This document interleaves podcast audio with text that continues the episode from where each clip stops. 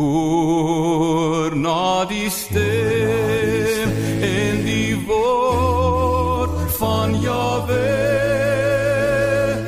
Welig is dit môre vir ewig. Dit is dus een saak om by God uit te kom, maar dit is 'n geweldige moeilike saak om by God te bly. Dit is immers hy wat jou en my opsoek. Want Yeshua sê niemand kom na my toe as die Vader wat my gestuur het hom nie trek nie. In Psalm 15 lees ek: Wie mag vertoef in u tent? Wie mag in die teenwoordigheid van God bly? Wie mag woon op u heilige berg? Met ander woorde, wie mag vergoed woon op die heilige berg van God?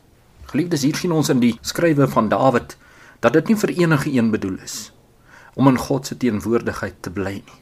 Ek dink dis die groot uitdaging vir jou en my om ons lewensend uit te leef en nog by God te bly. Ek lees die apostel Johannes skryf wie die wil van God doen bly vir ewig. En dit is nie so eenvoudig en so maklik om altyd die wil van God te doen nie want op die weg van God is daar storms en geweldige hindernisse en onder andere opofferings wat jy sal moet bring want God sal jou toets en beproef of jy waardig is om in sy teenwoordigheid te kom of met hom in 'n verhouding te mag tree. Die gans Christelike wêreld is maar oorverblindery geliefdes. Maar om God werklik te beleef is 'n groot en baie ryk saak. Ek hoor elders in die skrif, jy het nodig om vas te hou wat jy het tot hy kom. Wie vashou tot die einde en wie oorwin sal ek mag oor die nasies gee. Ek hoor Yeshua sê, wie volhard tot die einde toe sal gered word. En in Suid-Afrika is ons op pad na die einde toe. En ons gaan sien, geliefdes, wie sal vashou? En wie sal soos die apostel Petrus sê, hulle roeping in verkiesing vasmaak? Hy sê as julle dit doen, sal julle nooit struikel nie. Hoor hoe gaan Dawid hier voort om dit te beskryf. Hy sê hy wat opreg wandel en geregtigheid doen en wat met sy hart die waarheid spreek. En hoe doen ons dit? Vers 3 gee die antwoord: Wat nie rondgaan met laster op sy tong nie. Sy vriend geen kwaad doen en geen smaatrede uitspreek teen sy naaste nie. Nou jou naaste is jou volksgenoot, jou mede volksgenoot. Geliefdes, hy sê dis hier ons laster teen God deur ons vriende kwaad te doen of deur 'n smaatrede teen ons naaste uit te spreek. Jy sien, dis die kentekens van iemand wat nie met sy hele hart die waarheid spreek nie. Wat nie waarlik God bely nie. En wie se motief en sy gesindheid nie waarlik suiwer is nie. Is dit nie Yeshua wat vir ons dit baie mooi openbaar wanneer ons waarlik aan God verbind is as hy sê wanneer iemand jou op die linkerwang slaan, draai ook die regterwang na hom toe. As iemand jou boekleed wil hê, gee hom alles. Hy gaan verder voort om daar te sê bid vir die wat julle haat, doen goed aan die wat julle vervolg, sodat julle kinders kan word van my Vader wat in die hemel is. En kinders woon in by hulle Vader. Hulle is welkom in die huis van hulle Vader. Sal ek en jy vertoef in die tent van Jahwe? Sal ons bly woon op die heilige berg van God, kom wat wil in Suid-Afrika? Of sal daar by jou en my 'n getuienis teen ons oorbly, naamlik dat ons met mense 'n probleem het? Ek hoor die apostel Paulus sê, sover dit van julle afhang, sover dit binne jou vermoë is. Dus leef in vrede met alle mense. Want mense geliefdes het 'n geweldige invloed. Die duiwel kan hom verpersoonlik in mensgestalte en jou en my pad kruis van dag tot dag sonder dat ons dit weet. En daarby hoor ek die woord sê dat 'n slegte mens moet jy nie weerstaan nie. Want dis nie die moeite werd nie, die risiko is te groot.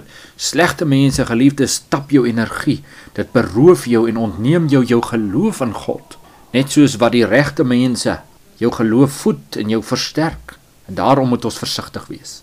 En hierdie mense, geliefdes, mag ook engele wees wat ons deur gasvryheid huisves en ons weet hoe magtig engele is, geliefdes. Ek bid Yeshua sê pas op vir die mense. Ons moet versigtig wees hoe ons met die mense werk. Draai eerder die regterwang ook en gee maar ook jou onderkleed. En bid eerder vir die wat jy haat en doen goed aan die wat jy vervolg. Liefdes, as ons dit nie doen nie, gee ons getuienis dat ons God nie waarlik vertrou nie. Want jy sien as Jahwe in my lewe is en ek kan met reg getuig van 'n verhouding met hom, dan hoef ek dit nie oor te vertel nie. Ek bewys dit in my gedrag en in my optredes. As ek met mense 'n probleem het, is dit omdat God vir my nie waarlik bestaan nie. Want as God vir my is, sê Dawid, wie kan teen my wees? Watter mens kan my skade doen? Geliefdes, lei ons skade as gelowiges. En as 'n sogenaamd Christelike volk in hierdie land lei ons waarlik skade in Suid-Afrika terwyl die berowers oor ons heers. Bring dit ons steltenis en weerwraak in ons harte op. Geliefdes, dan het ons 'n saak om met God uit te maak. Dan het ons nodig om baie laag te buig. Ek hoor die woord sê, moenie sê ek sal vergeld nie. Wag op Jahwe dat hy jou help. Wag dat die plan en die magtige handeling van God uitspeel oor jou en my lewe. Oor Suid-Afrika sal dit uitspeel, geliefdes. En wat sal oorbly is die wat mag vertoef in die tent van Jahwe. En die wat mag klim op sy heilige berg. Want Sefanja sê dit sal 'n klein en geringe volkie wees wat die offerande van Jahwe sal bring op sy heilige berg.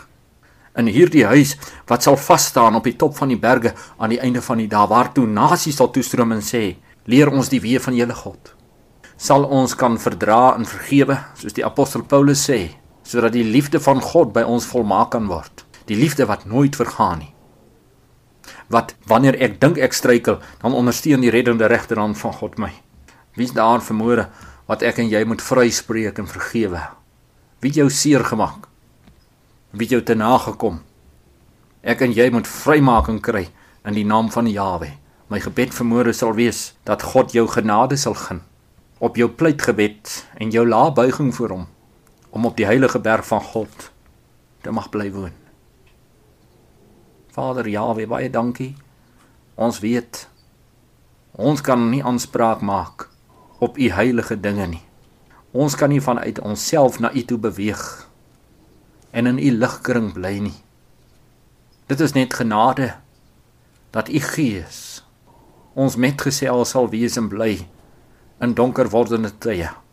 Vader, dat ons nie sal moed verloor nie, maar dat in die donker ons oë al meer verlig sal word en dat ons sal sien Yeshua, die leidsman en die volëinder van my geloof. Ek bid vermoere dat U vir ons geloof in ons harte sal gee.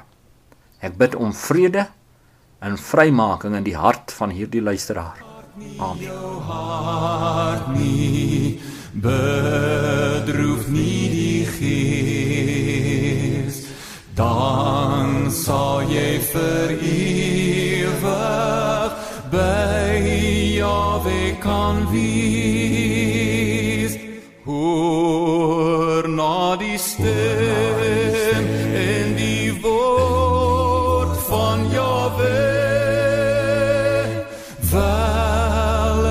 is dit môre vir ewig te laat